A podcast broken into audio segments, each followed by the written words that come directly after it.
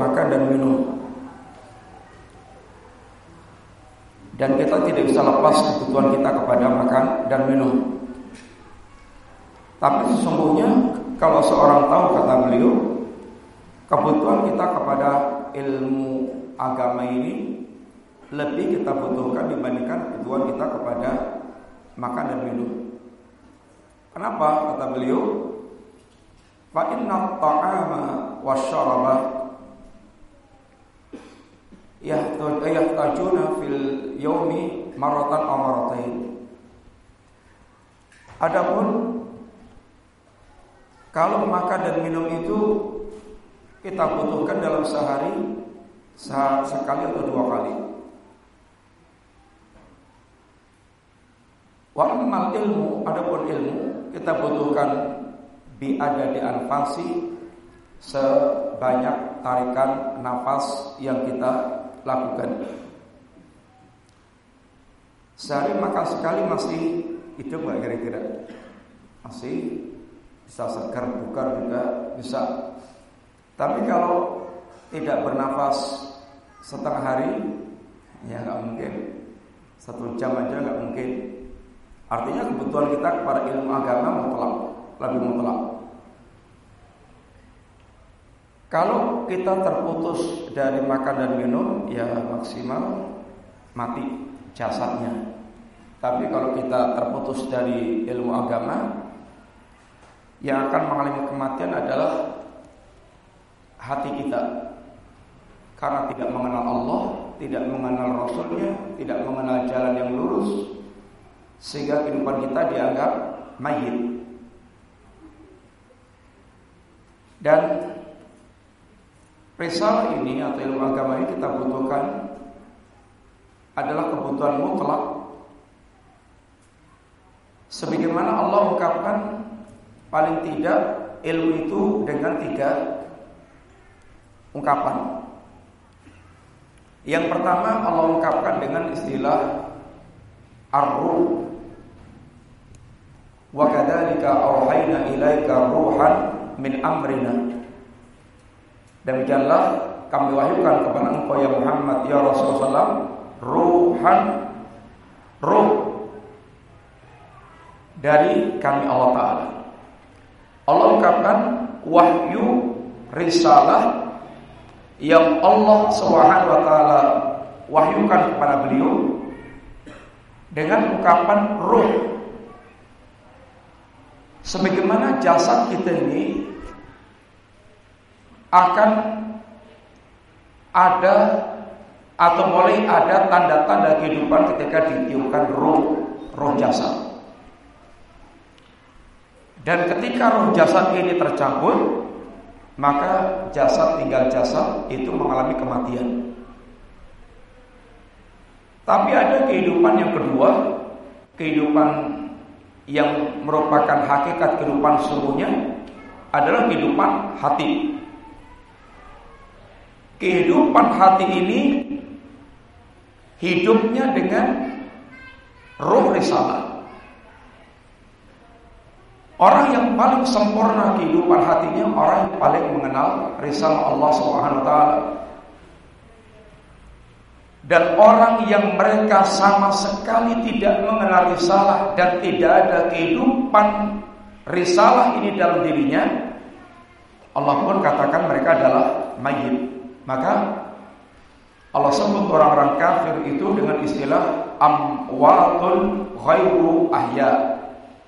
Mayit-mayit yang tidak ada kehidupannya. Sehingga kalau kita ingin menyempurnakan kehidupan kita, mau tidak mau kita mesti harus berinteraksi dengan risalah dan yang paling sempurna kehidupannya orang yang paling sempurna berinteraksi dengan risalah. Dan dalam hal ini Rasulullah SAW adalah manusia yang paling sempurna kehidupannya.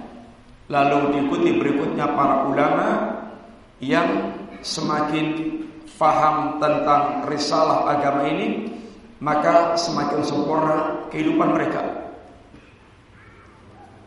Yang kedua Allah ungkapkan risalah ini dengan istilah An-Nur Cahaya Waj'alna lahu nuran yang syibihi finnas. Dan kami jadikan baginya cahaya yang dengan cahaya itu dia berjalan di tengah-tengah manusia.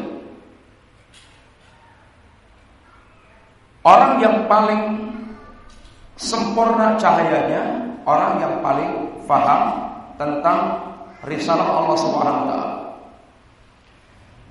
Orang yang paling bisa membedakan hakikat segala perkara adalah orang yang paling terang atau yang paling paham tentang agama Allah Ta'ala sehingga paling terang ilmunya, paling terang cahayanya. Orang yang paling jauh dari kebingungan adalah orang yang paling paham tentang agama Allah Ta'ala. Kita ini akan diuji dengan berbagai macam fitnah-fitnah. Di antaranya fitnah syubhat. Fitnah yang membuat orang menjadi samar. Syubhat. Orang yang paling tidak gampang dibuat bingung, tidak gampang dibuat samar adalah para ulama. Adapun orang awam, orang yang sama sekali sangat gampang sekali dihadapkan kepada kebingungan karena memang minimnya ini ilmunya. Para ulama ketika fitnah itu datang, mereka sudah mengenal karakter fitnah. Tapi orang awam hanya mengenal fitnah ida at barat ketika fitnah itu sudah berlalu sehingga O-nya itu terlambat. Dulu waktu fitnah Khomeini maka dunia Islam dibuat gegap gempita dengan slogan Islamiyah Islamiyah la gharbiyah wala syarqiyah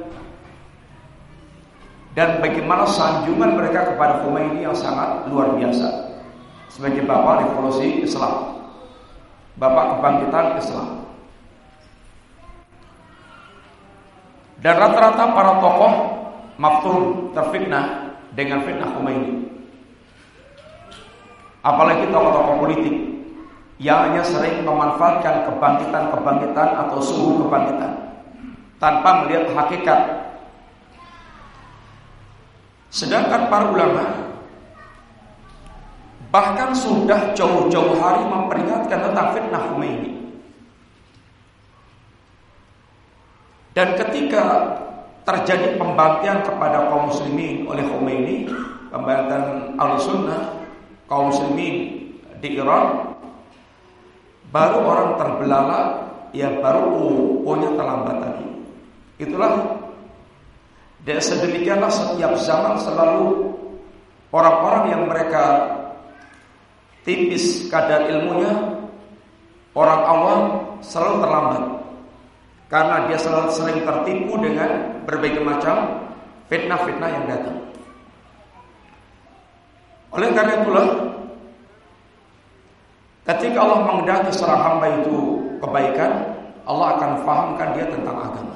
Dia punya kecenderungan kepada ini agama. Kecenderungan kepada agama itu artinya kecenderungan kepada ilmu dan semangat untuk mengamalkannya. Orang yang tidak faham agama Kalau dia ini Orang yang memang Tidak punya kecenderungan kepada agama Tidak faham agama Karena memang tidak punya kecenderungan kepada agama Gak punya semangat beragama Maka dia akan menjadi ahlu syahwat Rata-rata menjadi ahlu syahwat Hidupnya terseret dan terumbang ambing dengan syahwat tapi kalau orang memiliki semangat beragama, tapi dia tidak faham tentang agama dan tidak mendapatkan pembimbing dan penuntun yang benar tentang agama, itu sangat rawan masuk dalam lorong-lorong firak Khawarij Jangan sangka Khawarij adalah orang-orang yang mereka tidak memiliki semangat beragama. Mereka rata-rata para kurro. Mereka rata-rata orang memiliki semangat ibadah yang sangat tinggi. Para kurro ini para penghafal Quran. Dan mereka orang yang memiliki semangat ibadah yang tinggi. Al-ibadah. Sehingga Nabi pun pernah mengatakan, La tahkirana salatakum ma'a salatihim wa siyamakum ma'a. Nabi katakan kepada para sahabat, wahai para sahabatku, kalian boleh jadi akan menganggap sholat kalian tidak seberapa dibandingkan dengan sholat mereka. Puasa kalian tidak seberapa dibandingkan dengan puasa mereka. Artinya mereka memiliki penampakan ibadah yang sangat luar biasa. Nabi pernah mengutus Abu Bakar untuk membunuh seorang yang sedang seorang khawarij. Ternyata ketika Abu Bakar datang dia sedang sholat. Mana tega membunuh orang yang sedang sholat. Lalu Nabi mengutus Umar. Umar pun mendatangi dia dan dia sedang sholat. Bagaimana akan membunuh orang sedang sholat? Lalu Allah Nabi mengutus Ali bin Thalib. Ali datang, orangnya sudah tidak ada. Artinya orang ini memiliki semangat ibadah yang sangat tinggi. Dan mereka ini terkenal dengan ngapal ngapal apa ngapal itu? Apa bahasa saya ngapal? Apa apa? Ngapal. Ya kayak dengkul kita maunya ngapal atau betis kita. Eh, itu betis apa? Ya ngapal itu haduknya sampai ngapal. Itu karena asal lamanya mereka sujud lamanya mereka itu bertumpu sehingga mereka terkenal dengan ahli ibadahnya Bahkan mereka para kurang. Tetapi kata Nabi, mereka para kurang yang qaraun al-Quran la yujawisu arqiyahum. Mereka membaca Quran tapi tidak melewati tulang tenggorokan mereka alias tidak paham. Sehingga mereka dikatakan Nabi Sufarul Ahlam, orang-orang yang bodoh. Bodoh tentang agama. Sehingga mereka memiliki semangat tinggi dalam beragama Tetapi tidak memiliki kefahaman tentang agama Memiliki semangat beribadah yang luar biasa Tapi mereka tidak memiliki kefahaman tentang agama Sehingga sering pula membawakan dalil tapi tidak pada tempatnya Maka mereka kafirkan Ali dan Muawiyah dengan ayat Al-Quran Dan kata sahabat Ali Kalimatul haq wa bihal batil Kalimat yang hak tetapi dia maksudkan untuk sebuah kebatilan. Karena tidak paham dia adalah berdalil yang benar. Oleh karena itulah para sekalian, selama kita Allah gerakkan hati kita untuk masih memiliki kecenderungan kepada majelis ilmu, kepada ilmu, datang kepada para ulama, berkumpul dengan ahlul ilmi, ini adalah alamat kebaikan. Karena semua amaliyah kita mesti harus terbimbing dengan ilmu. Yang ketiga, pembahasan kita pada sore hari ini temanya saat agama dianggap candu. Candu itu apa? Apa Pak candu itu? Orang Ungkapan ini ungkapan yang pernah diungkapkan oleh tokoh komunis ratusan tahun yang lalu atau juga diungkapkan oleh sebagian orang yang mengikuti jejaknya atau bahkan orang yang dianggap beragama berilmu dianggap ilmuwan tapi pernah juga mengucapkan kalimat agama dianggap candu. Apa sih maksudnya itu? Gimana maksudnya Pak? Pak Yakob? Memabukkan. Maksudnya gimana Pak? Memabukkan, mabuk agama. Candu, orang candu biasanya ya sedang sumpah, sedang sesak, sedang ayat ini gelisah kalau kemudian pengen ngeplay nyandu biar ngeplay kemudian seakan-akan masalah itu hilang. Tapi tentu candu dengan agama ya jauh berbeda. Mereka memiliki ungkapan seperti ini boleh jadi agama yang dilihat salah. Boleh jadi orang yang punya ungkapan seperti ini, yang yang punya yang memiliki ungkapan seperti ini karena dia tidak melihat Islam. Mungkin aja agama lain yang dilihat. Yang agama itu rata-rata buatan manusia, maka dia, maka kata dia, agama itu ada, adalah buatan manusia. Manusia menciptakan agama. Sehingga kalau umpamanya ungkapan itu diungkapkan untuk agama yang lain, ya silakan. Boleh jadi. Kalau itu agama ciptaan manusia. Tetapi bagi seorang muslim dia mesti memiliki keyakinan lain tentang agamanya. Bahkan kehidupan kita ini tidak akan pernah tertata baik dan tidak pernah kita akan mencapai apa yang menjadi harapan kita tentang kehidupan kecuali dengan agama.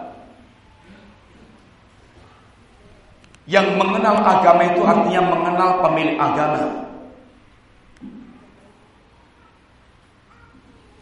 Yang menggunakan agama itu artinya kita yaitu hidup sesuai dengan apa yang diinginkan oleh pemilik agama. Itu Allah taala. Kalau Allah dengan kita itu nggak butuh sama sekali. Belas. Sama sekali Allah tidak membutuhkan kita. Allah satu di antara namanya adalah Al-Ghaniyyu. Apa itu, ikhwan? Al-Ghaniyyu dan yang maha apa? Al-Ghaniyyu. Apa? Al-Ghaniyyu apa Pak? Dat yang makaya. Maksudnya makaya gimana? Allah dat yang makaya itu satu. Innallaha la 'anil 'alamin. Allah benar-benar tidak butuh sama sekali kepada para makhluk di alam semesta ini. Allah dan yang makaya nggak membutuhkan apa pun dari kita. Kita ini distatuskan Allah fakir. Ya ayuhan nas antumul fuqara'u ila Allah wallahu huwal ghaniyul hamid. Wahai manusia, sesungguhnya kalian adalah orang-orang yang fakir, sedangkan Allah zat yang maha kaya lagi maha puji. Allah dan yang makaya Satu Allah tidak membutuhkan apa pun dari kita Termasuk ketaatan kita kepada Allah Ta'ala. Allah gak membutuhkan. Maka dalam sebuah hadis Qudsi Allah Subhanahu wa taala berfirman hadis yang Nabi meriwayatkan dari Allah sehingga redaksinya taala. Allah berfirman akan tapi bukan ayat Al-Qur'an Ya ibadi Lau anna awwalakum wa akhirakum wa insakum wa jinnakum ala aqqa qalbi rajulin wahidin minkum ma zada mulki syai'an. Ya ibadi Lau anna awwalakum wa akhirakum wa insakum wa jinnakum ala afjadi qalbi rajulin wahidin minkum mana kosobida lika mulki syai'an. Wahai hambaku, Seandainya manusia dan jin dari yang pertama sampai yang terakhir Berapa jumlahnya? Ya nggak tahu manusia aja nggak tahu apalagi jin Apalagi yang pertama sampai yang terakhir Seandainya manusia dan jin yang pertama sampai yang terakhir ini mereka Semuanya berada di puncak ketakwaan. Semuanya kayak Jibril atau semuanya kayak Rasulullah SAW sehingga di puncak kesempurnaan ketakwaannya kepada Allah mazada bidzalika mulki syai'an itu tidak akan sedikit pun menambah kerajaan Allah taala. Sebaliknya wahai anak Adam wahai manusia Seandainya kalian manusia dan jin yang pertama sampai yang terakhir di hati manusia yang paling fajir, di satu hati manusia yang paling fajir, semuanya kayak iblis, semuanya kayak Fir'aun. Maka mana qasabidzalika mulku syai'an itu tidak akan sedikit pun mengurangi kerajaan. Allah dat yang sama sekali tidak membutuhkan apa pun dari kita. Bahkan termasuk ketakwaan kita Allah tidak membutuhkan sama sekali. Maka mau iman mau kafir itu tidak ngaruh bagi Allah SWT. Keimanan itu menjadikan kita itu orang-orang saleh dan taat itu kebutuhan kita. Sesungguhnya merupakan kebutuhan kita. Allah tidak membutuhkan. Yang kedua, Allah dan yang makaya dari sisi kekayaan yang mampu mencukupi semua para para hamba. Apa kata Allah pula? Ya ibadi, lau anna awalakum wa akhirakum wa insakum wa jinnakum qamu fi sa'idin wahidin fasa'aluni fa'ataitu kulla mas'alatin ma naqasa mimma indi illa kama yanqusul mikhyat idza udhilal bahr wahai hambaku seandainya manusia dan jin dari yang pertama sampai yang terakhir itu mereka berdiri di satu lembah lalu semua minta kepadaku Lalu semua permintaan mereka aku tunaikan, aku beri Itu tidak akan mengurangi kekayaanku Kecuali seperti berkurangnya air ketika jarum dicelupkan ke lautan lalu diangkat Sama sekali tidak ada, tidak ada artinya berkurangnya kekayaan Allah SWT Maka ketika Allah memerintahkan kita meminta kalau meminta itu jangan pernah tanggung-tanggung. Kalau meminta itu jangan pernah ragu Allah yaitu untuk memenuhi kebutuhan kita atau jangan pernah ada pikiran Allah keberatan memenuhi kebutuhan kita. Jangan pernah berkeluh minta kepada Allah, merengek kepada Allah dan semakin sering minta kepada Allah itu semakin justru Allah mencintai orang tersebut. Odomuni astajib lakum. Mintalah kepadaku pasti akan aku kabulkan. Odomullaha wa antum muqinuna bil ijabah. Mintalah kepada Allah dan antum yakin pasti akan dikabulkan oleh Allah Taala.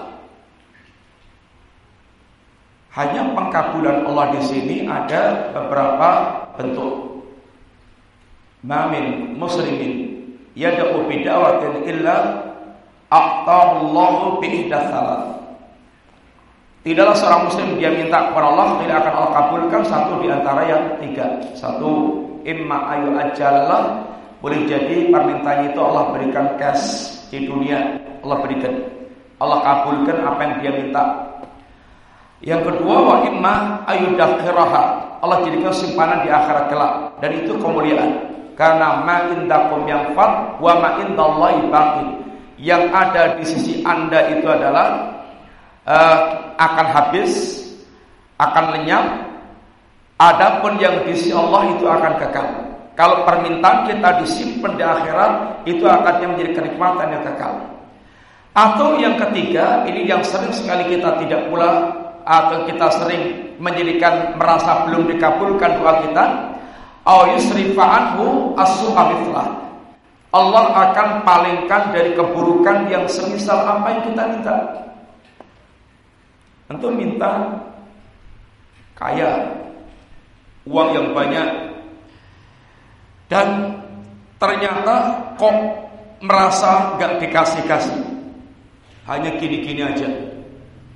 Padahal antum sehat, keluarga sehat, gak ada yang terkena penyakit, nggak kena musibah tabrakan, nggak kena musibah puting beliung, nggak nggak kena musibah rumah ambruk, nggak kena musibah macam-macam.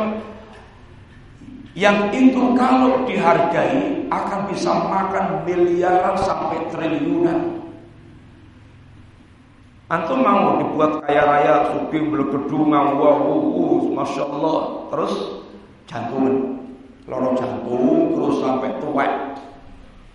Mau berobat ke Singapura, nggak lagi ke mana lagi, habis untuk wirawiri itu pun juga belum tentu sembuh.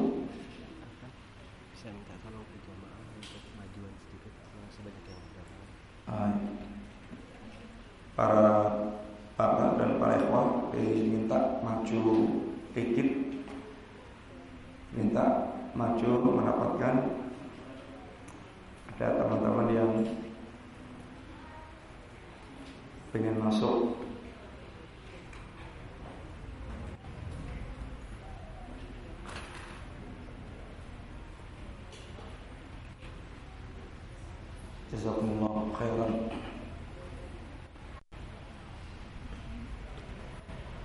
Itu yang sedang kita, kita sadari Berapa banyak keburukan-keburukan yang Allah palingkan dari kita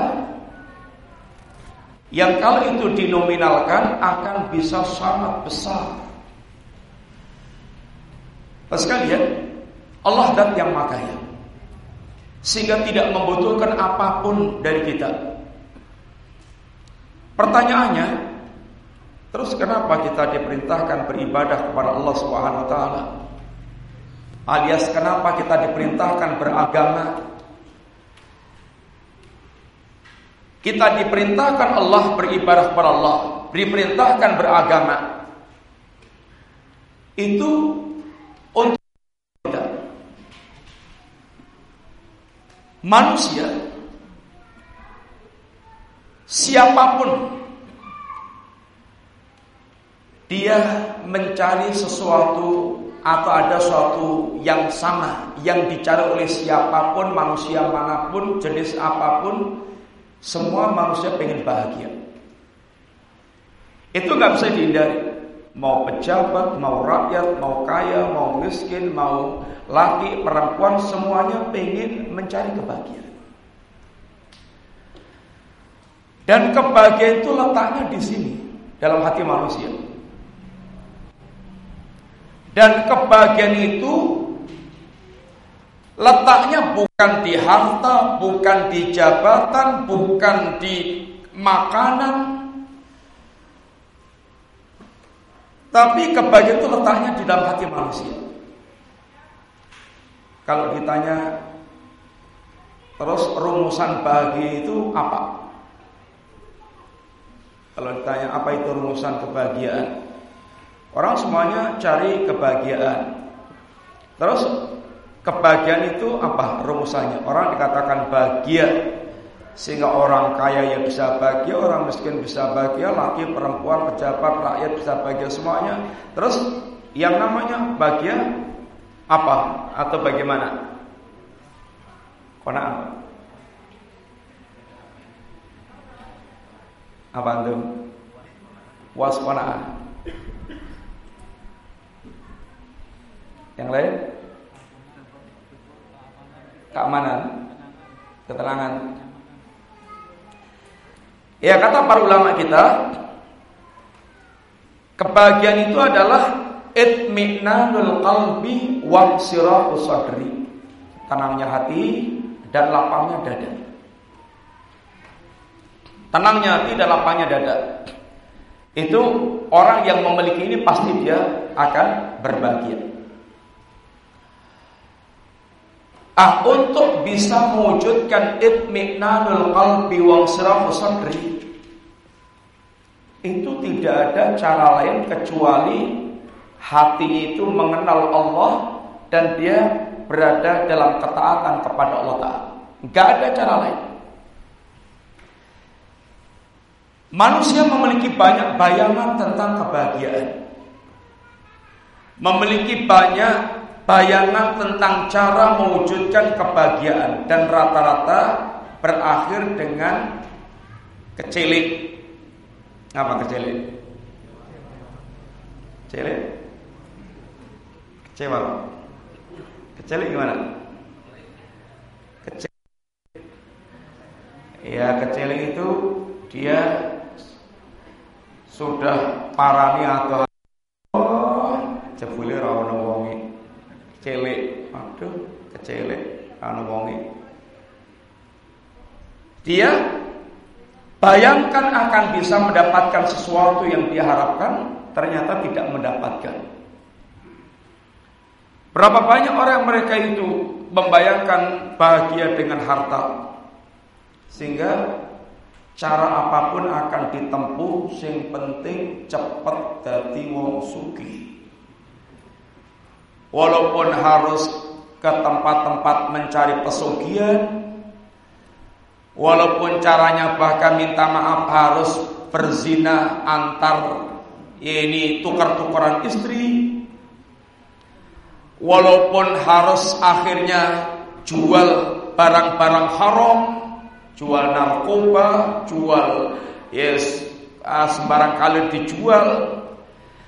Ataupun walaupun harus dengan dia merampok, menipu, korupsi, maling dan semisalnya. Tetapi ternyata berapa banyak orang yang mereka telah sampai di puncak kekayaannya Bahkan walaupun dengan cara yang halal-halal saja Ternyata kebahagiaan tidak Ternyata harta yang melimpah ruah Tidak mewariskan kebahagiaan. Ya memang harta itu kita butuhkan Iya. Tetapi bukan faktor yang memberikan kebahagiaan. Banyak orang kaya raya Yang stres Yang kalau suruh cerita sesaknya hidup itu bisa berjilid-jilid, banyak ungkapan yang akan dia ungkapkan dan banyak kisah-kisah yang telah ditulis dalam sejarah, dalam kenyataan sekitar kita, orang-orang kaya yang mereka matinya tragis. Karena merasakan sesaknya kehidupan. Dulu ada seorang yang nulis sejarah kehidupan seorang wanita namanya Christina Onassis. Seorang wanita yang super kaya raya. Keluarga kaya raya yang anaknya pun semuanya dibelikan ini pesawat pribadi sehingga mau ngelencer ke mana juga bisa. Wanita ini kawin pertama dengan laki-laki Amerika. Jangan bayangkan bagaimana glamornya. Ternyata dalam hitungan nggak sampai tahunan, hitungan bulan cerai.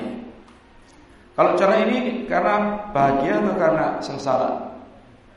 Kita ini terlalu bahagia mas, cerai aja, nggak ada. Ya sengsara, orang cerai itu karena sengsara. Lalu dia kawin lagi dengan laki-laki yaitu Yunani. Hitungan bulan cerai lagi. Lalu kawin dengan laki-laki Rusia. Satu orang terheran-heran laki ini perempuan Amerika kawin dengan laki-laki Rusia yang alirannya berbeda, satu masa satu kapitalis, satu sosialis. Ketika ditanya, kok kawin dengan laki-laki Rusia? Abhafus sa'adah, aku cari kebahagiaan. Dapat Ternyata nasibnya salah, hitungan bulan cerai. Kawin lagi dengan laki-laki Perancis. dan sampai pernah diwawancarai Bukankah anda wanita yang kaya raya yang paling kaya? Nah, iya. Tapi aku wanita yang paling sengsara. Dan kematiannya tragis. Ini hanya satu cerita di antara ribuan cerita tentang orang-orang yang mereka itu ternyata kekayaannya tidak mengantarkan dia menjadi bahagia. Sebagian orang juga bayangkan, wah enak ya jadi orang terkenal. Wape wong kenal melebu metu TV, koran, majalah, wape wong krungu kenal. Ada seorang artis terkenal, followernya jutaan, tapi justru maaf bunuh diri di puncak keterkenalannya. Kenapa? Karena jiwanya gersang dan kering. Maka ketika Allah Subhanahu taala memerintahkan kita beribadah kepada Allah, berjalan dengan agama Allah, itu semuanya semata-mata untuk kebutuhan manusia. Demi terwujudnya manusia betul-betul meraih yang paling istimewa dalam kehidupannya. Jangan sangka ketika manusia mereka lari dari Allah mereka akan terbebas begitu saja. Sehingga bisa bebas sebebas-bebasnya. Enggak. Kata Ibnu Qayyim, beliau mengatakan, harabu min riqil ladhi khuliqullah fabulu fi nafsi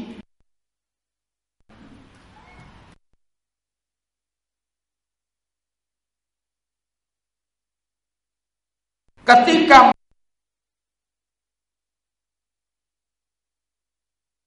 diciptakan Allah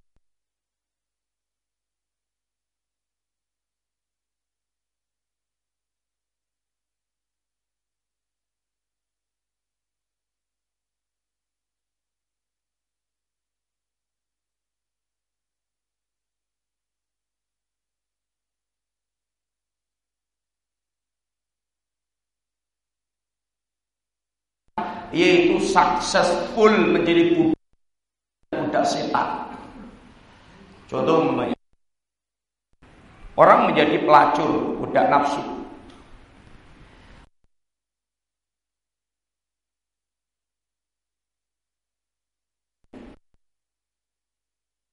Semuanya high class Enggak ada ceritanya di dunia ini walaupun dia successful pelacur yang berbeda Dan tidak ada semua ahli maksiat berbahagia enggak.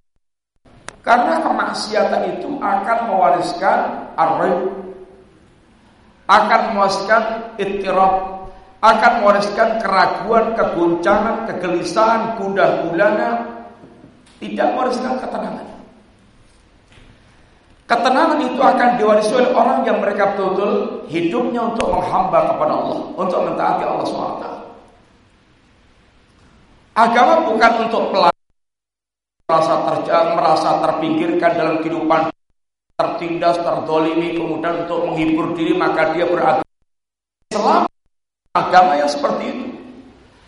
Islam agama yang ingin mengantarkan manusia dalam kondisi apa pun mereka meraih betul hakikat kebahagiaan hidupnya di dunia sekarang ini sampai nanti di akhirat.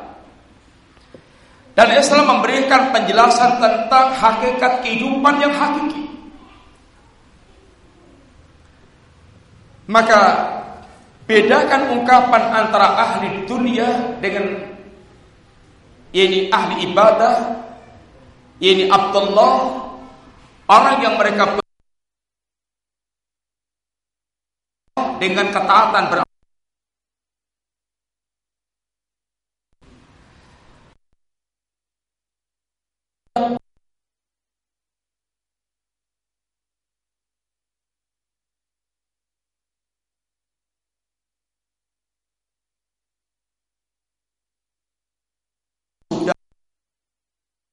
mereka mengalami kehidupan yang ngeri-ngeri, bagaimana mereka mengalami kehidupan yang betul sangat tragis dan mereka tidak merasakan tidak mendapatkan apa yang mereka cari walaupun mereka di puncak kesuksesan apa yang selama ini mereka itu tempuh. Tambahkan orang-orang yang mereka yaitu kepada Allah Subhanahu wa taala. Contoh Islam.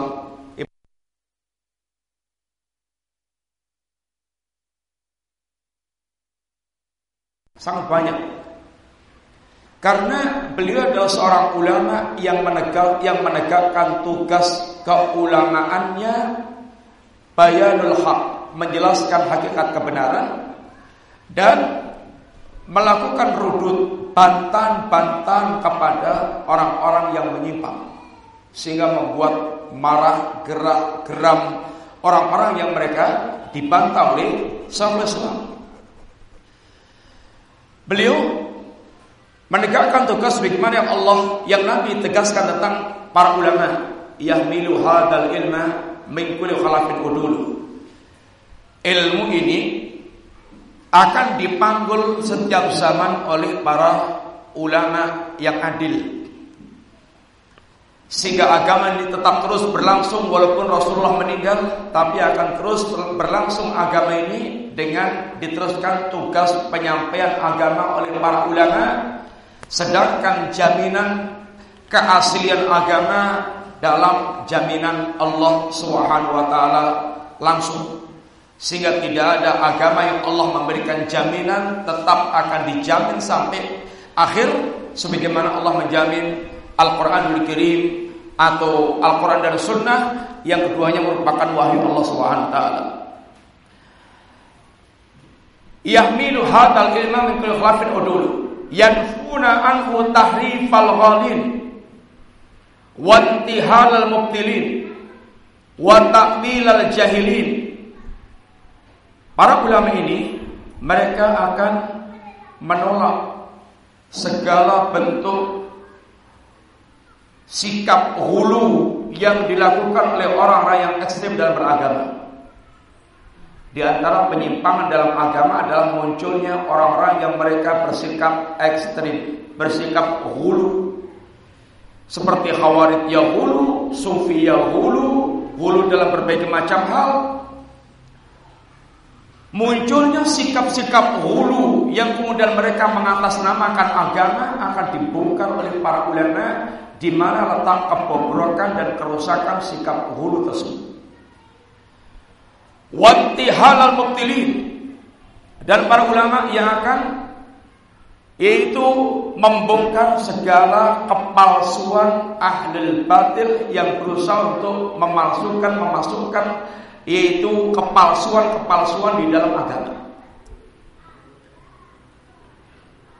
Sejarah membuktikan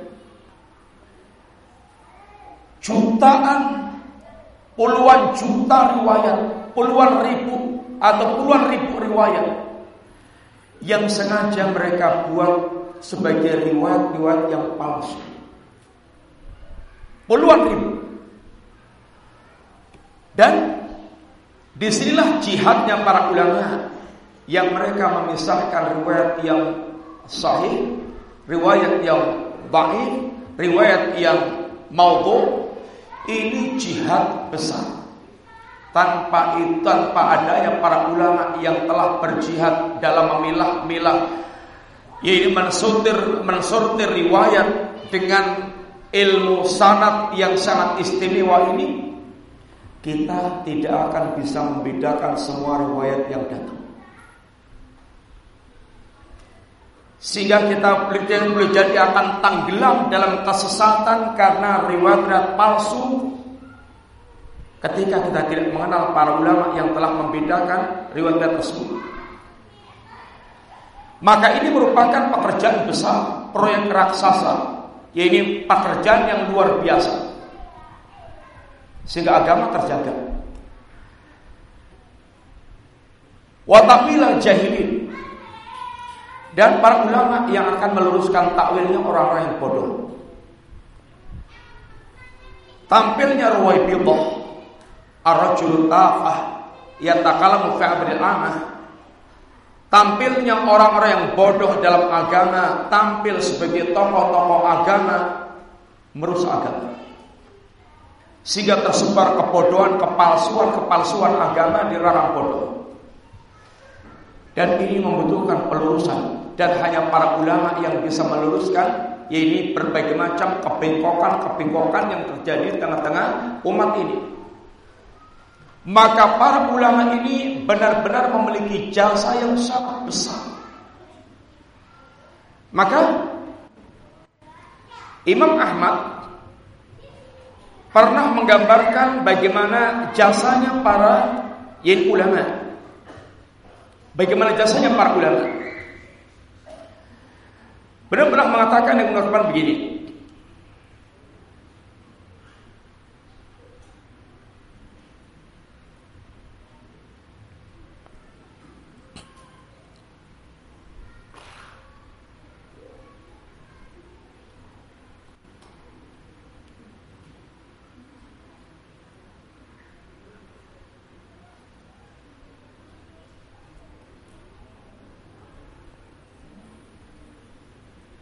Beliau mengatakan Alhamdulillahilladzi ja'ala fi kulli zamanin fatratun minar rusul baqaya min ahli ilmi yad'u man dhalla idal ilal huda wa yasbiruna minhum alal adha yuhyuna bi kitabillahil mauta wa yubsiruna bi nurillahi ahlal ama fakam min qatilin li iblis qad ahyauhu wa kam min dhalin taihin hadau qad hadauhu fama ahsan atharihim ala nasi wa aqbahu atharin nasi alaihim.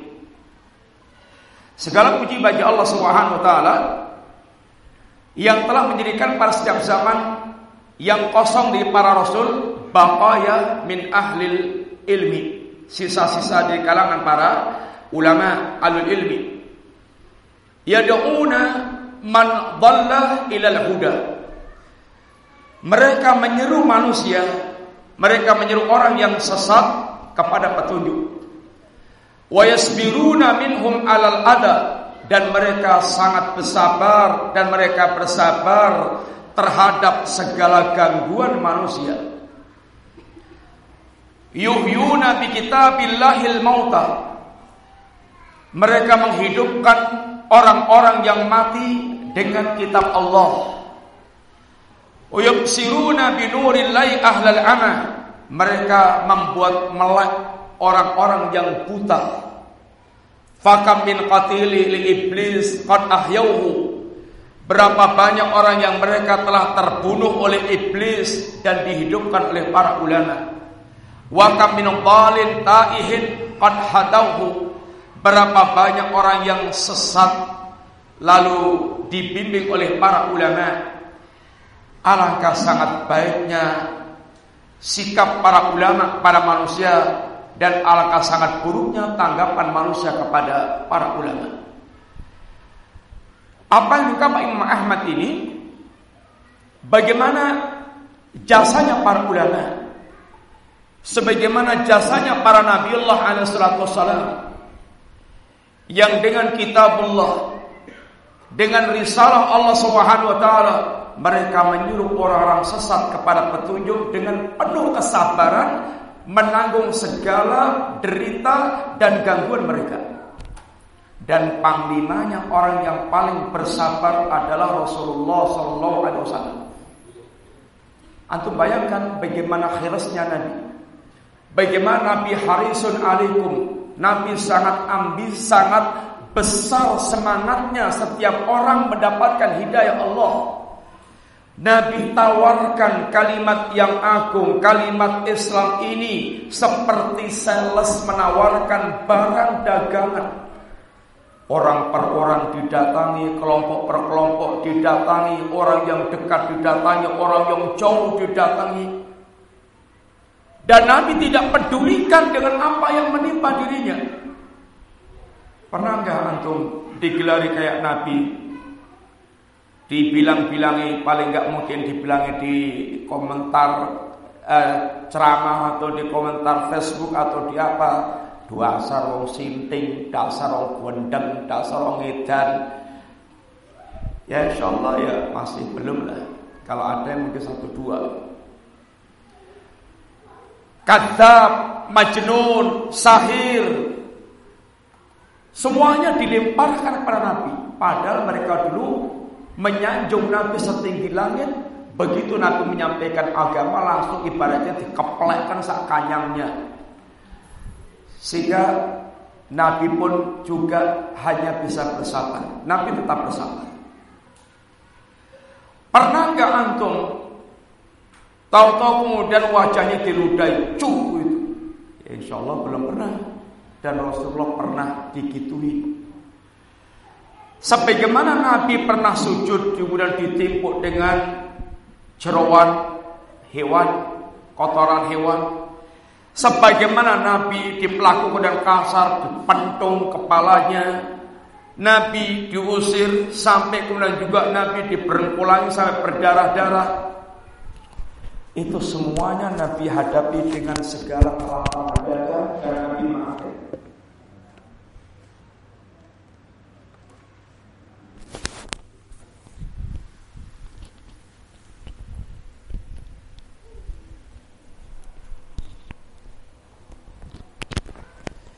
Nabi maafkan. Di saat Nabi di puncak kemenangan dakwah Fatul Mekah itu kalau mau berbuat yang Nabi inginkan bisa. Memenggal kepala Quraisy semuanya bisa. Ketika Nabi membuka velama umpamanya bagaimana mengingat pedihnya ketika awal dakwah diperlakukan dengan sangat buruk diusir sampai kemudian mereka Nabi sudah di Medina masih dipikirkan untuk ditumpas perang Badar, perang Uhud, perang Ahzab itu semuanya perang-perang untuk menumpas Nabi dan para sahabat. Tahu-tahu ketika Nabi sudah menguasai kembali kota Mekah dengan sangat mudah Nabi katakan kepada mereka Idhabu wa antum tulaqa. Silahkan kalian pergi semuanya, kalian bebas tanpa ada beban. Nabi pemaaf. Sangat lapang dadanya. Dan semuanya itu harapan Nabi mereka mendapatkan hidayah Allah. Nabi sangat sedih ketika ada orang tidak wahyu dan kemudian tidak mau menerima dakwah bukan karena sedia Nabi perlakuan mereka kepada pribadi Nabi, tapi sedihnya Nabi karena mereka menolak hidayah yang akan menyelamatkan mereka yang kalau mereka tidak bersama hidayah mereka akan sengsara. Maka Nabi pun bahkan berdoa kepada Allah, Allah Allah makfir qaumi li'annahum la ya'lamun. Ya Allah, ampunkan kaumku ya Allah, mereka tidak faham, mereka tidak tahu. Ini adalah kelapangan dada, sikap kepemaafan yang sangat luar biasa dari seorang nabi dan para ulama meniru panglima besarnya, meniru nabinya yang memang merupakan teladan di dalam dakwah Allah. Sahabat Islam, satu di antara contohnya, beliau memiliki musuh-musuh yang memiliki hasad yang sangat tinggi kepada beliau. Sehingga ketika para ulama yang uh, ulama dal al bidah ini dekat dengan penguasa provokatif. Dia provokasi penguasa untuk menangkap atau membunuh atau mengusir. Tapi apa kata Syaikhul Islam dengan pelakuan semua mereka mayab aluna a'dai apa sih yang ingin apa sih yang ingin dilakukan oleh para musuhku Inna jannati fi sadri. Surga itu ada di dadaku. Surga itu ada di dadaku. In qataluni faqatli syahadah wa in habasuni fahabsi khulwah wa in taraduni fatardi siyahah. Kalau mereka itu berhasil membunuhku, dalam keterbunuhanku adalah syahid. Dan itu yang dicita-citakan oleh banyak kaum muslimin. Kalau mereka itu berhasil menangkapku, dijebloskan dalam penjara, maka aku berarti halwat menyendiri dengan Rob kekasihku Allah Ta'ala dan itu pula kenikmatan bagi beliau. Wa in taraduni fatardi siyahah kalau mereka berhasil untuk mendeportasiku, mengusirku, maka dalam keterusiranku adalah siyahah plesir. Dan itu sebuah kebahagiaan bagi seorang yang mereka merasa melakukannya. Semuanya kelapangan dada bagi beliau. Ketika beliau memiliki kuasa untuk membalas, beliau maafkan. Ada sekelompok orang yang menjilat kepada itu seorang raja saat berkuasa dan dia dekat dengan kekuasaan. Dia provokasi sang raja, kemudian dia fatwakan untuk bisa membunuh Syekhul Islam. Kemudian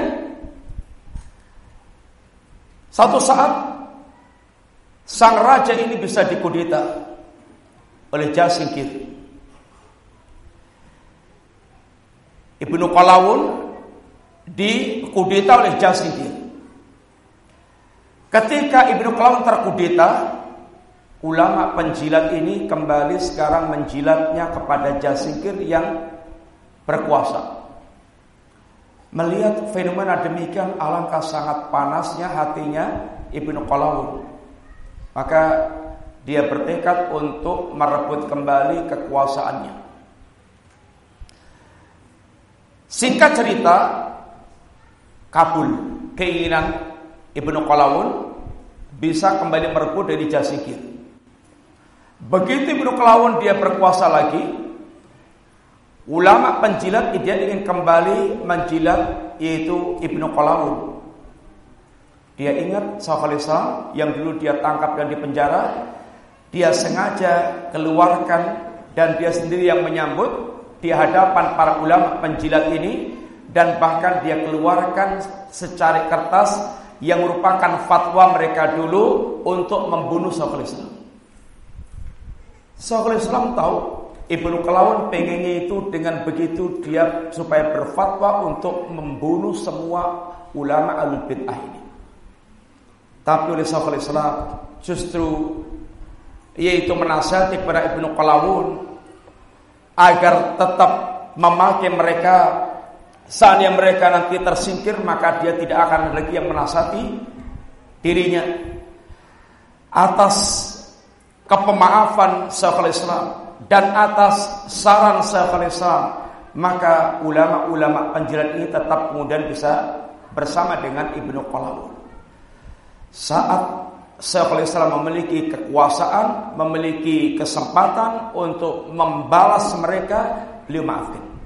Itu yang tidak ada pada yaitu orang lain.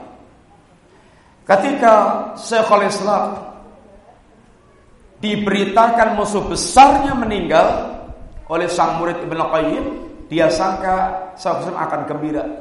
Ternyata justru Syekhul Islam menampakkan kemarahannya dan kemudian bahkan dia segera takziah ke keluarga musuhnya yang meninggal tersebut dan bahkan dia tawarkan jaminan keperluan bahwa dirinya siap menggantikan yaitu sang ayah yang meninggal, apa yang dibutuhkan akan dia cukupi.